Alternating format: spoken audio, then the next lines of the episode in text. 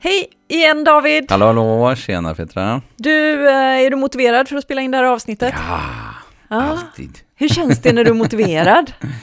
Ja, men det känns ju bra. Eh, liksom när man, när man eh, känner att man drivs av det för, för egen maskin, så att säga. Det Just det. det är nice. Ja, Ja, den typen av motivation är rätt Ja, god, eller hur? jag. Ja. ja.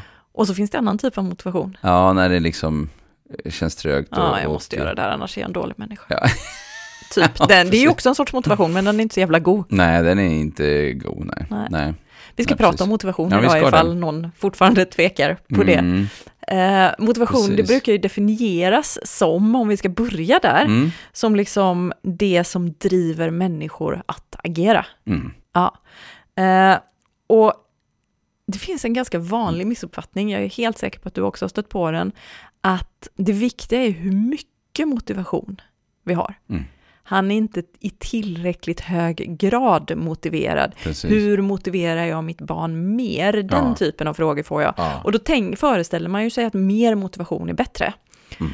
Eh, och så kan det ju viss mån vara, men det viktigaste, det är ju faktiskt vilken sorts motivation man har. För det finns flera olika typer av motivation. Ja, verkligen. Ja, så jag tänkte, hänger du med nu lite Ja, så ska vi ha lite vi. begreppsexercis här, Ja. tänkte jag. Eh, Den vanligaste typen att skära den här motivationskakan i, det har du också hört, det är jag helt Mm. säker på, det är att skilja på yttre och inre Absolut. motivation. Den är ju vanlig. Ja, och Mm. den pratar man ju jättemycket om. Åh, inre Ja, motivation är bra och mm. yttre motivation är dåligt. Men Mm. jag tycker egentligen att det här är ganska kassa namn. Mm. Eh, för de säger inte riktigt vad det handlar om. Jag föredrar att kalla den inre motivationen för handlingsorienterad motivation. Mm. Och det som kännetecknar den här typen av motivation, det är att handlingen är liksom njutbar och lustfylld i sig Mm. att utföra. Handlingen är själva målet. Mm. Eh, och i mitt fall så kan det vara, jag tycker om att spela gitarr, Ja. jag tycker om att måla mandalas, Mm. Eh, jag tycker om att dricka vin och prata med min Mm. man, jag tycker om att fika med mina barn. Mm. I det här fallet så är det grejer som jag gör bara för jag gillar att göra Ja. dem. Vad, I vilka lägen känner du den typen av motivation? Ja, men det är ju sånt där med liksom, eh, ja, jag gillar ju, ja det kan vara allt möjligt. Jag gillar att laga mat, eh, umgås med folk, liksom så. Jag tycker att det kan vara jättemysigt att köra bil bara liksom. Alltså, eh, alltså så där man åker till, bara själva bilresan i sig. Typiskt man. Ja, eller hur? Eh, men eh, jag kan också eh, tillfredsställas väldigt mycket av att dammsuga till exempel. Mm. Men eh, det är också typiskt män har jag läst i någon artikel att männen dammsuger men de skurar inte lika mycket. Nej, Men, eh, men det är intressant det där med, med just det här eh, drivet. Men sen eh, sånt här som du går på en promenad när det är vackert väder. Alltså det är ju Ja. underbart. precis. Mm. Mm. Nej men det finns massa sånt. Ja, Mm. Och sen så finns den andra typen av motivation, som ibland kallas yttre och som jag föredrar att kalla för målorienterad motivation. Mm, just det. Eh, det man gör, det gör man för att uppnå någonting annat som liksom är, skilt från Just själva det. handlingen. Jag gör X för att jag vill uppnå Y. Pluggar för att få ett visst betyg så att jag sen kan komma in på. Exakt. exempel. Ja. Jag tränar för att bli stark. Mm. Jag, Eller träna till ett visst lopp kanske snarare. Ja, det hade det också. kunnat vara, inte i mitt fall, men Nej. det hade kunnat vara det. Jag tränar för att bli stark, jag tränar för att jag faktiskt ser Mm. fram emot lite och ha lite musklade överarmar på beachen Wow. i sommar. Eh, jag städar absolut inte för att jag tycker om att städa, men jag städar för att jag tycker om att ha ordning Ja. omkring mig. Det är nice. Eh, nu ska jag till tandhygienisten om ett par veckor, så nu tar jag väldigt mycket tandtråd. Ja. Och det är ju för att jag känner mig som en dålig människa om jag kommer dit och det blöder för mycket Eller i tandköttet. hur? Ja. Eh, En annan kategorisering när det gäller motivation, ett annat sätt att skära den här motivationskakan, Mm. det är att skilja mellan autonom och kontrollerad motivation. Mm. Den autonoma motivationen, det är den som upplevs liksom komma inifrån en själv Mm. Att agera i enlighet med sina egna värderingar, i enlighet med det som är viktigt för en själv. Och då agerar man ju med en liksom fullständig känsla av valfrihet. Mm. Jag gör det här för att jag vill. Liksom. Just det. Den andra typen av motivation då, det är den kontrollerade motivationen. Och här så är det mer att man känner sig pressad Mm. att agera. Antingen så kommer pressen utifrån Mm. i form av krav, hot, mutor, belöningar. Mm. Eh, eller så kommer den inifrån. Och då är det mer som att jag har liksom har tagit in de där yttre kraven. Eh, och så om jag inte gör så här så känner jag mig som en dålig liksom. människa. Ja. Det är skuld och Mm. skamdrivet. Ja, mm. Som mitt exempel med tandtråden och Mm. tandhygienisten. Ehm, så vi har två dikotomier. Mm. Det ena är liksom då inre handlingsinriktad motivation gentemot yttre målinriktad motivation. Och det andra är autonom motivation Mm. gentemot kontrollerad. Hänger du med nu? Vi har Yes. nästan som en fyrfältare. Ja. Den inre, den handlingsriktade motivationen, den man gör bara för att handlingen är så attans njutbar att göra, Mm. den är alltid autonom. Mm. Jag eh, autonom. gör det jag gör för att jag njuter av att göra det, jag gör det av fri vilja. Just det, fri. Ja.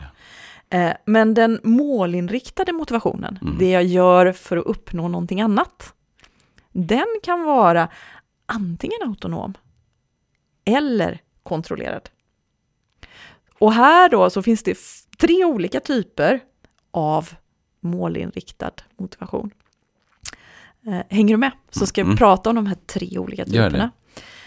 Den första typen av målinriktad motivation, den är i hög grad kontrollerad och den kallas för extern motivation. Mm. Kontrollen kan handla om, som vi var inne på tidigare, krav, Mm. befallningar, den höga rösten, det arga ansiktsuttrycket, rynkan mellan ögonbrynen, eh, eller liksom mutor.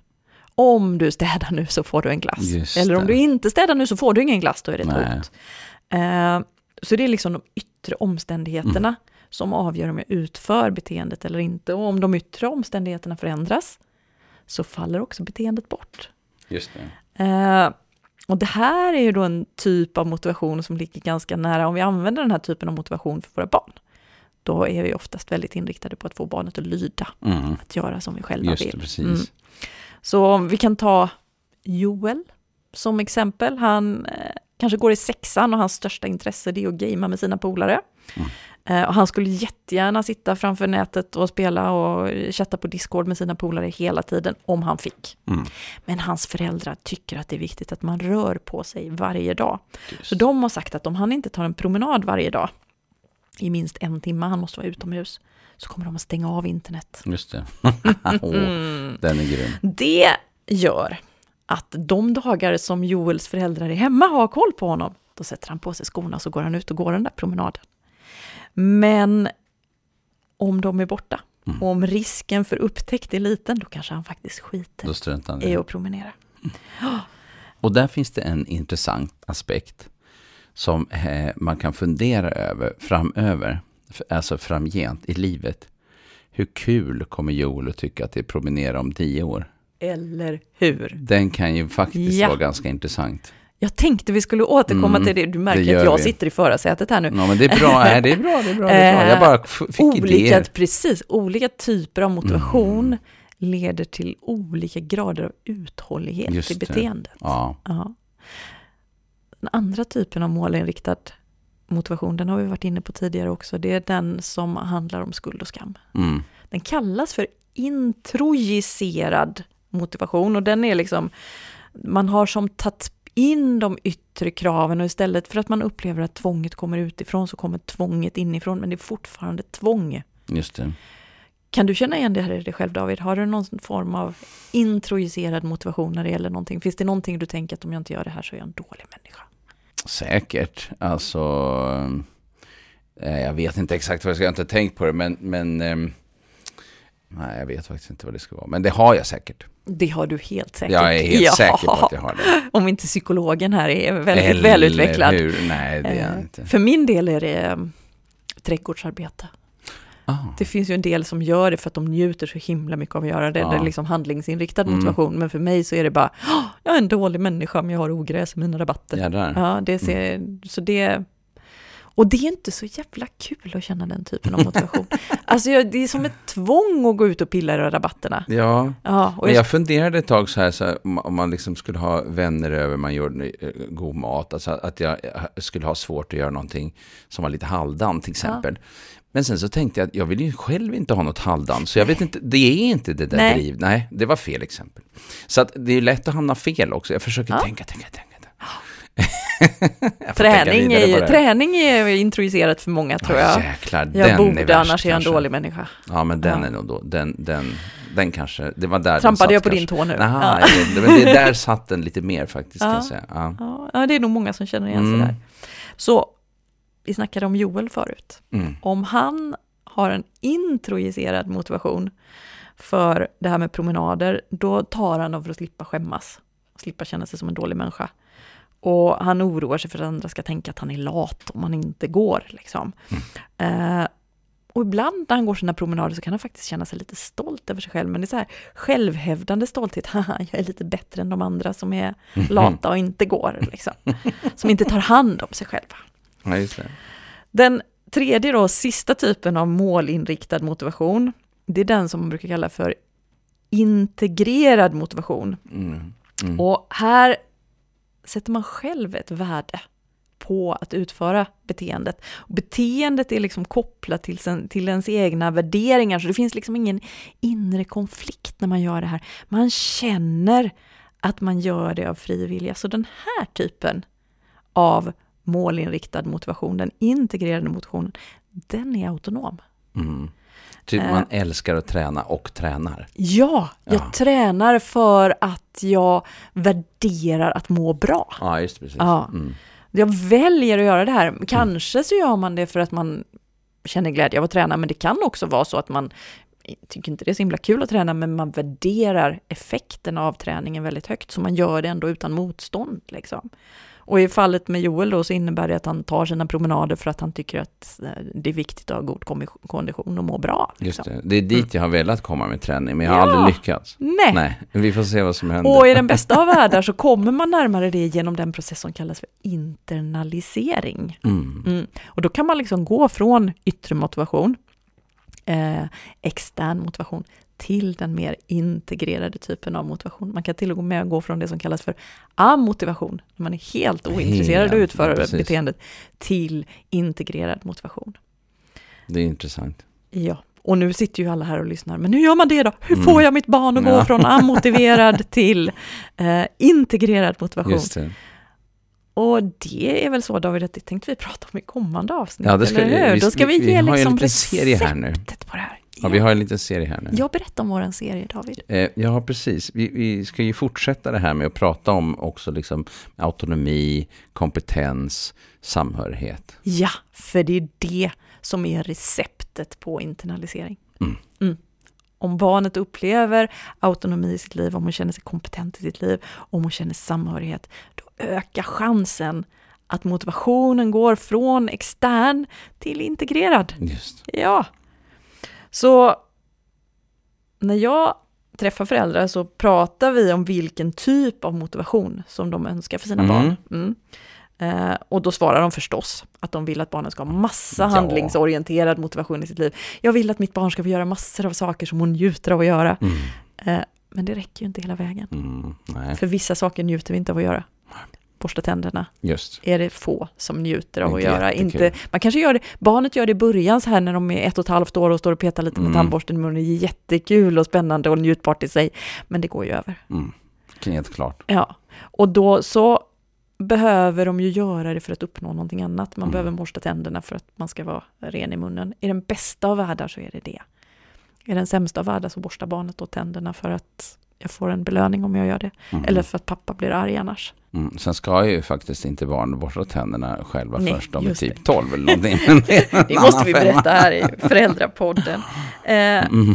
så David, de, du har ju två barn, eller hur? Mm. Om de ska städa hemma, Mm. vad vill du ska vara anledningen till att de städar hemma? Att de själva har lust att ha det lite trevligt och snyggt omkring sig. Eller hur? Och så är det för mig med. Du, varför vill du inte att de ska städa för att få eh, en belöning då? Mm, dels så tycker jag ju att det är så att jag ju hellre vill att de ska drivas av det själva. Mm. Men, eh, men eh, sen är det ju det att det, det, finns ju liksom långsiktiga problem med den där belöningsfrågan. Det, det är ju ett, ett annat avsnitt. Ja, det har vi faktiskt Eh, gjort ett avsnitt precis. av tidigare. Eh, Men eh, eh, där det ju finns problem med det, att, att eh, ger vi belöning så börjar vi värdera det. Liksom. Jag tänkte på det när du sa det med tandborstning.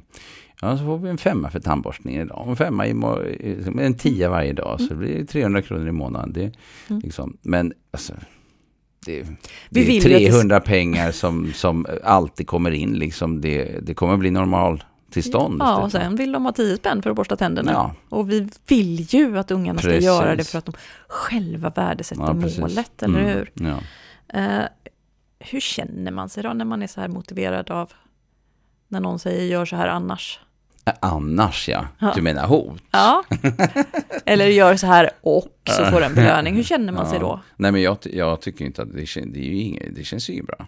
Nej, varför inte det? Nej men jag vet inte, det är liksom, eh, man vill inte så att sätta ett pris på liksom ens handlingar. Jag tycker att det, det, det nej, jag, jag tycker att det är problematiskt. Om din fru sa du får en 10 om du går ut med soporna. Ja, den du. Ja, Eller hur hur? skulle du reagera då? Ja, Ja, du skulle garva förstås. Och sen Jag skulle då? garva, ja, Ja. visst, sure. Alltså jag tror jag skulle bli skitförbannad om min Ja, man började försöka muta mig. Fan, Ja, försöker det- du styra nej, mig? Alltså det är inte. ju en sorts kontroll va? Ja, ja Och precis. Vi Det, är- det är färgar oss mot kontroll. Ja, det är top-down. Mm. precis. Och om man Mm. sa du är en dålig människa om du inte går ut med soporna. Nej, precis. Jag skulle också uppleva att det var någon Mm. sorts kontroll. Usch. Eh, man har ju forskat på det här med Ja. olika typer av motivation. Just. Eh, och vilken typ som ger bäst resultat. Eh, och då har det visat sig att i massa olika avseenden så är den autonoma motivationen bäst. Alltså den när man upplever att man gör saker av fri vilja. Antingen för att själva handlingen i sig är så himla skön. Det är njutbart att göra det här, det är intressant, det, det är liksom, jag njuter av att göra det här.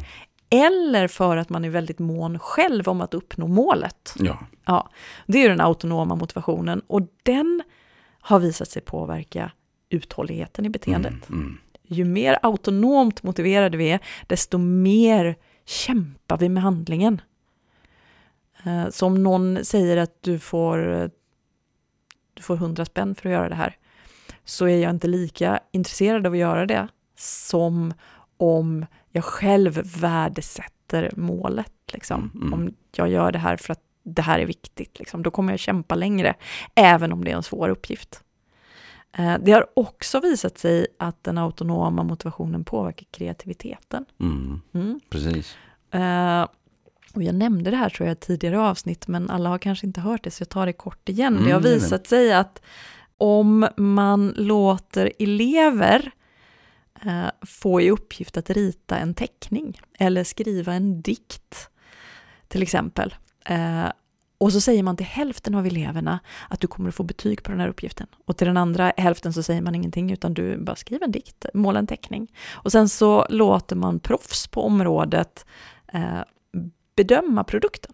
Och då visar det sig att de som var autonomt motiverade, det vill säga de som inte upplevde kontroll eller visste att de skulle bli belönade, de gjorde bättre med kreativa Mm. produkter. Så när vi försöker kontrollera människors beteende med hjälp av bedömningar eh, så blir kreativiteten De lägre. Ja. Mm. Ja. Mm. Så vill du vara säker på att ditt barn ska liksom minska chansen att ditt barn ska bli en god konstnär så ska du börja belöna hennes teckningar. Ja, eller Ja. Precis. Helt Ehm, fel. Inlärningen påverkas också av typen av motivation. Mm. Om man är autonomt motiverad, det vill säga att man gör saker av fri vilja, så lär man sig bättre. Mm. Framför allt så lär man sig bättre det som kallas för konceptuell inlärning. Man lär sig mer liksom om eh, en djup sorts kunskap. Och här har man också gjort experiment och låtit två grupper få en text. Och den ena gruppen har man sagt läs den här och lär dig det som står. Den andra gruppen har man sagt läs det här, du, du får ett prov sen. Mm. Och då visar sen får båda grupperna ett prov. Mm. Och då visade det sig att gruppen som visste att de skulle få ett prov, de har faktiskt bättre i ett avseende. De har bättre när det gäller faktakunskaper. Mm. Men när man tittar på liksom den begreppsliga förståelsen för materialet så visar det sig att de som bara fick i uppgift att lära sig materialet har lärt sig det bättre än de som visste om att de skulle få ett test på det. Väldigt intressant. Ja, och där kan man ju fundera över vad vill vi att våra barn ska lära sig på sikt i skolan? Ja, och är sen- det liksom så här 1789 eller är det vad franska revolutionen handlade om som är det viktiga? Ja, jag tänker en sak som är viktig där, det är nog att, eller som jag tänker också minnesmässigt så har vi lättare att eh, hålla kvar vid den typen av kunskap som är integrerad på det där sättet. Yes. Inte bara det här faktakunskapsorienterade. För det har också visat sig att kommer man tillbaka ett par veckor senare och Mm. gör samma prov, då är det ingen skillnad i faktakunskaper mellan de här två grupperna. Nej, Nej, det är spännande. det är skitintressant det här tycker jag. Mm. Sen har det visat sig att de som är autonomt, alltså känner frivillighet i att utföra uppgiften, de mår bättre. Mm. Det är starkt också. Ja, de njuter mer, de Mm. upplever mindre stress, mindre grad av utbrändhet, mindre grad av depression. Mm. Kopplat till sitt jobb, sin uppgift. Och slutligen så har det också, inte så förvånande tänker jag, effekt på ehm, liksom de etiska aspekterna. Fusk och genvägar blir ju mer intressant att använda sig av om man är eh, kontrollerat motiverad. Mm. Om man bara gör saker för att få en belöning, då spelar det inte så stor roll hur man gör. Då kan man liksom ta en genväg, för jag får ju belöningen ändå. Men om jag gör saker för att jag njuter av att göra sakerna, men då kan jag göra dem. Och om jag gör saker för att målet är viktigt, då är jag kanske också mån om att arbetet blir väl utfört. Mm. Mm. Mm. Och det det, här är ju intressant när vi tänker skola. eller hur? Mm. Berätta, hur tänker du? Nej, men liksom bara, eh, nu ska vi räkna de här ma- mattetalen eller jobba med den här eh, geografiuppgiften och eh, sen ska vi ha prov på det. Och vad är det vi liksom lägger fokus på egentligen? Och, och det där betyget eh, som, som man liksom ska jobba för, att, att det liksom kan finnas en hindrande faktor för lärande i det. Och det är ju ganska intressant när, när ett helt skolsystem bygger på premisser som kanske faktiskt är problematiska i Mm. relation till, eh, till eh, eh, kanske också delvis lärande på sikt men också eh, liksom lust att lära. Eller hur? Mm, ja. Jag tänker på när mina barn, min son var liten, han gick i en skola som de jobbade mycket med så här belöningssystem och så. Mm. Och det funkade verkligen inte för honom. Mm. Eh, och så skulle han byta skola. Och då hittade vi en supermysig liten skola. Och jag frågade rektorn där, jobbar ni med belöningssystem i klassrummet? Mm, mm. Och hon tittade så här förvånad på mig och sa, nej men det kan man ju inte göra, då måste ju lärarna vara i klassrummet hela tiden. Och det är ju intressant, hon har ju helt rätt. Måste kontrollera. Ja, Mm. för att då har ju inte det internaliserats det där beteendet utan då uppför ju barnen sig väl för att inte få ett straff eller för att inte gå miste om en belöning. Mm. Och då behöver en vuxen vara där och kontrollera hela tiden och går Mm. de från klassrummet, ja då kan ungarna bete sig hur som helst. Ehm, Intressant. ja, men mycket. Så liksom för att sammanfatta, det är inte mängden motivation Nej. som spelar roll, utan det är typen av motivation. Och den bästa motivationen, det är den när vi upplever att vi gör saker av egen fri vilja. Just det, Ja. precis. Och den kallas då ibland för inre motivation. Mm. Men du som då har en forskarsjäl och går in i saker och ting eh, så här på djupet, vilket är helt underbart, eh, tycker ju att det blir för slarvigt egentligen. Eller Ja, hur, jag tycker För det, det. säger inte hela saken, liksom, att det var inre. Liksom, Det är lite förenklat att skilja Ja, på inre och yttre tycker jag, Mm. eftersom den yttre motivationen, den kommer utifrån från början. Mm. Men sen har jag ju tagit in den och gjort den till min Precis, egen. Det är det den- som det är kallas för komplext. integrerad Ja, motivation. precis, ja. och då blir det för enkelt Ja. att prata om yttre och Mm. inre. Den, det, det ger inte tillräckligt hög grad av förståelse för de här eh, lite mer komplexa situationerna Exakt. som uppstår. När jag har tagit in det och gjort det Precis. till mitt eget Ja. så kommer det ju inifrån. Ja, precis. Ja. Mm. Stöter du på frågor om motivation när du... Eh, Eh, ja, det gör jag ju förstås. Mm. Eh, eftersom det präglar eh, mänsklighetens tillvaro i ganska stor utsträckning på alla möjliga arenor. Och att det ju också spelar roll ibland. Jag menar, så är det ju. Eh, svärmor hon tog körkort när hon var 59. Hon var väldigt motiverad. Hon hade... Och det var not a piece of cake om jag säger så. Det var en, en rejäl kamp. Och Men jag gissar att hon sig. inte gjorde det för att hon skulle få en belöning. Nej, men belöningen var väl i princip att nu ska jag lära mig det här och eh, jag ska minsann visa att jag, också kan köra bil ungefär. Alltså lite sådär Hon ville möjligt. kunna Men flytta hon på sig ville, säkert. ja, Ja. Så att det liksom, men, men det var ju en stark motivation. Hon hade ett mål verkligen. Ja, men Ja. Jag, jag tycker att det finns en aspekt som, som eh, man eh, kanske pratar om lite för lite när man pratar om motivation. Den har egentligen sin grund i det här med själva begreppsparet vilja och kunna. Ja, Um, Ross Green han formulerar som att kids do well if they can. Alltså barn gör bra ifrån sig eller lyckas eller sådär. Fixa situationer eller, eller och så. Eh, om de kan. Alltså kunnandet i basen. Um, och eh, det där tänker jag är väldigt viktigt för att um, ibland när man säger mitt barn är omotiverat, eh, hur ska jag få mitt barn att bli mer motiverat eller hur ska jag få den här eleven att bli motiverad i matematik? Ehm, ett dilemma som ofta har funnits ehm, är ju att det har varit för svårt eller för tråkigt eller för liksom, liksom intetsägande, innehållslöst eller att det bara drivits utav vissa typer av frågor där, där man inte känner att man har haft kompetens. Och jag tänker att man måste tillbaka till det där med liksom grunden på något sätt i lärandet. Det är nyfikenheten eh, och så. Att det, den, den, det finns en risk att det tar kål på, en, på, på nyfikenhet och så och lust. Eh, eh om man inte har lätt för sig Mm eh, eh, så blir det problematiskt när man liksom bara ska ja, men, hålla på med eh, matteboken eller, eller den här svenska uppgiften. Och så här. Och för vissa barn så kommer man att måste leta efter någonting som faktiskt kan få eleven motiverad. ja. Eh, att utgå till exempel ifrån intressen i större utsträckning. Att eh, anpassa uppgifter så att det faktiskt är möjligt att klara av dem. Att de inte är för svåra, liksom så.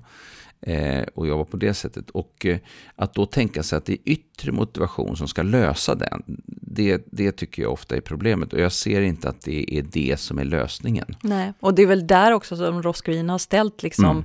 do well if they can Mm. i relation till do well if they want. Mm. För man har tidigare tänkt att när barn inte gör rätt så är det för att de inte vill, inte är motiverade. Nej, precis. och hans poäng är att det är inte där Det ligger. där barn det vill vara motiverade Mm. men en del kan inte. Liksom. Nej. Nej. Och vi säger ju det ibland också. Ja, men du kan om du vill. Ja. Så att vi använder ju det där begreppet, både kunna och vilja, i samma. Och om man säger du kan om du vill, då betyder det att jag anser att du kan, jag tänker att du kan, du vill bara inte. Jäkla förolämpning ja. egentligen, tänker jag. Ja, faktiskt. För att eh, väldigt många gånger när man säger en sån sak så kanske det faktiskt är så att personen inte kan. Och det kanske inte handlar om att det brister i förmågan till just matematik eller att läsa. Men det brister kanske i förmågan till att eh, uppamma energi för att göra den, att ha uthålligheten, eh, att texten är tråkig och intressant eller att det finns andra komponenter liksom i det där. Eh, och eh, då behöver man liksom vända på det hela. Och jag tänker motivationen, eh, det är ju en ganska stor skillnad på när man känner att det finns en möjlighet att kunna, eh, att, jag, att jag kan om jag anstränger mig lite eller liksom sådär. Eh, men eh, om jag känner att det här är för svårt, då ger man ju upp direkt. Mm. Och då är frågan, kan man liksom köpa framgång för en person som inte kan? Nej. Och det kan man ju inte, utan Nej. det måste ju vara så att det ligger i, i relation till vad som så att säga är möjligt. Exakt, du får tusen spänn David om du gör en frivolt här. Ja. Hjälper det? Ja, tusen spänn för att dö menar du? Men det, det blir ju så, förlåt att jag skojar om Ja, dina gymnastiska förmågor, jag har Ja, ingen aning, du kanske gör en frivolt ja, här nu. absolut. Hundra. Men eh, poängen är ju att vissa grejer kan vi ju inte hur motiverade vi än är. Liksom. Nej, så är det ju. Nej. Och, och, det kan ju kan, och, och, och då tänker jag så att vi kommer tillbaka också till det här med eh, vilka, det här, de små stegens pedagogik tänker jag. Och eh, eh, att vi, eh, vi jobbar med, med, vi måste leta efter motivationen kopplat till, till sånt som faktiskt kan, kan liksom, i, inte en yttre fråga. Och, och, för många av de här som det är svårt att uppamma energi för och, och, och, motivation för olika typer av uppgifter, de motiveras inte heller av att eh, ja, men om du lägger på ett litet extra kol så kan du, så du kan få ett C istället för ett D. Liksom. Ja, ja. ja, men precis. Och här kanske vi ska passa på att säga någonting om amotivation också. Alltså när man är det. helt omotiverad, för det har vi faktiskt inte mm. pratat om. Eh, och amotivation uppstår ju dels när man upplever att man inte har förmåga att uppnå resultat. Mm. Precis mm. det du var inne och mm. pratade på. Det spelar ingen roll om du liksom lockar med eh, höga betyg eller fina belöningar. Om, om Pelle inte kan matte så kan han inte matte liksom. Nej, men om allting går en över huvudet så är det problematiskt. Ja, om, men... vi, om vi tänker att till exempel här har vi då eh, en elev som går i årskurs 5 eh, men kan göra matte på årskurs 1 eller 2s nivå. Ja. Men det, den är inte anpassad på det sättet, utan matten är fortfarande på årskurs 5 nivå. Men det är liksom för svårt. Mm. Och det är klart, då, då är han amotiverad. Ja, det går ja. inte. Det andra anledningen till att vara amotiverad, det är ju om man inte har intresse ja. för handlingen, precis som vi är inne på, eller tycker att den saknar relevans. Vad ska ja. jag med matte till? Jag ska ja, ändå precis. Mm, jobba som influencer. Liksom. Uh, så att det är ju två anledningar att vara amotiverad. Det tredje är faktiskt egentligen inte den här motivation, utan man pratar om motstånd mot påverkan, kan också leda mm. till amotivation. Som det verkar ju då vara en sorts amotivation, men i själva verket så är det liksom en motiverad icke-handling. Du försöker styra mig nu, så jag tänker fan inte göra vad du vill. Då är det ju mer motstånd. Mm. Det ser ut som motivation. Ja, och det kallar det då kravkänslig ja, eller kravundvikande exakt. eller det finns olika begrepp för Precis. det. Mm. Jag tänkte på, jag fick en association när vi pratade förut David, eh, vi pratar ofta om det här, hur kan jag motivera det här barnet att räkna matte till exempel? Och jag tänker att det är en ganska märklig syn på sin egen roll, som att jag är någon som ska ladda dig med någonting. Ja. Eh, jag, jag föredrar egentligen att ställa frågan hur kan jag skapa förutsättningar för att det här barnet ska kunna motivera sig själv? Mm, mm. Och då, då blir ju min roll en helt annan. Då är det inte jag som ska dingla med en, en morot framför dig eller en piska, utan då är det mer att jag försöker ändra på själva situationen och har tillit till att du egentligen vill själv. Ja, och det är det som är svårt ibland, till exempel eh, om vi har den här eh, eh barnet som helst vill spela och som inte vill gå ut och gå en promenad. Mm. Eh, så att få personen att eh, ha lust att gå ut för att det kan vara bra för en att få frisk luft och allt vad det nu kan vara för någonting. Eh, det är ju liksom ganska långsökt i någon bemärkelse. Ja. och, och, så så det är ju väldigt svårt. Här har vi ju inte heller några enkla snabba lösningar utan, utan många gånger är det ju knepiga situationer och om någon förälder skulle komma till mig eller, eller pedagog eller lärare kommer till mig och bara säger så här, du, Kalle är omotiverad här, eh, vad ska jag göra? Då kommer inte jag kunna säga bara på rakt arm, gör så här, gör så här, gör så här, så blir det bra. Nej. Utan det är ju så att vi måste ju prata om hur funkar den här eleven och vad finns det för ingångar och, och vad har testats Ex. tidigare och vad är det här för en person helt mm. enkelt. Vad behöver just den här personen ja. för att kunna motivera sig själv mm. till det här? Och det här är väl anledningen till att vi ska spela in ytterligare tre ja, avsnitt David precis. på det här temat, tänker jag. Det var en snygg segway, eller, eller hur? hur? Över till en avslutning här. Eller hur? Eh, vi, vi behöver nog faktiskt tre avsnitt för att prata om hur ökar vi chansen att någon är motiverad på det där schyssta, bra, effektiva sättet. Ehm, så nästa avsnitt ja. så kommer vi att prata om autonomi. autonomi. Därefter så blir det ett avsnitt om kompetens och sen slutligen ett avsnitt samhörighet. om samhörighet. Yes. Mm -mm. Nu är jag motiverad att avsluta, hur känns det ja, för dig? Ja, nu är det helg. Ja. Det är nice. Ha en fin helg David! ja, tack detsamma. Ha det så bra. Hej hej!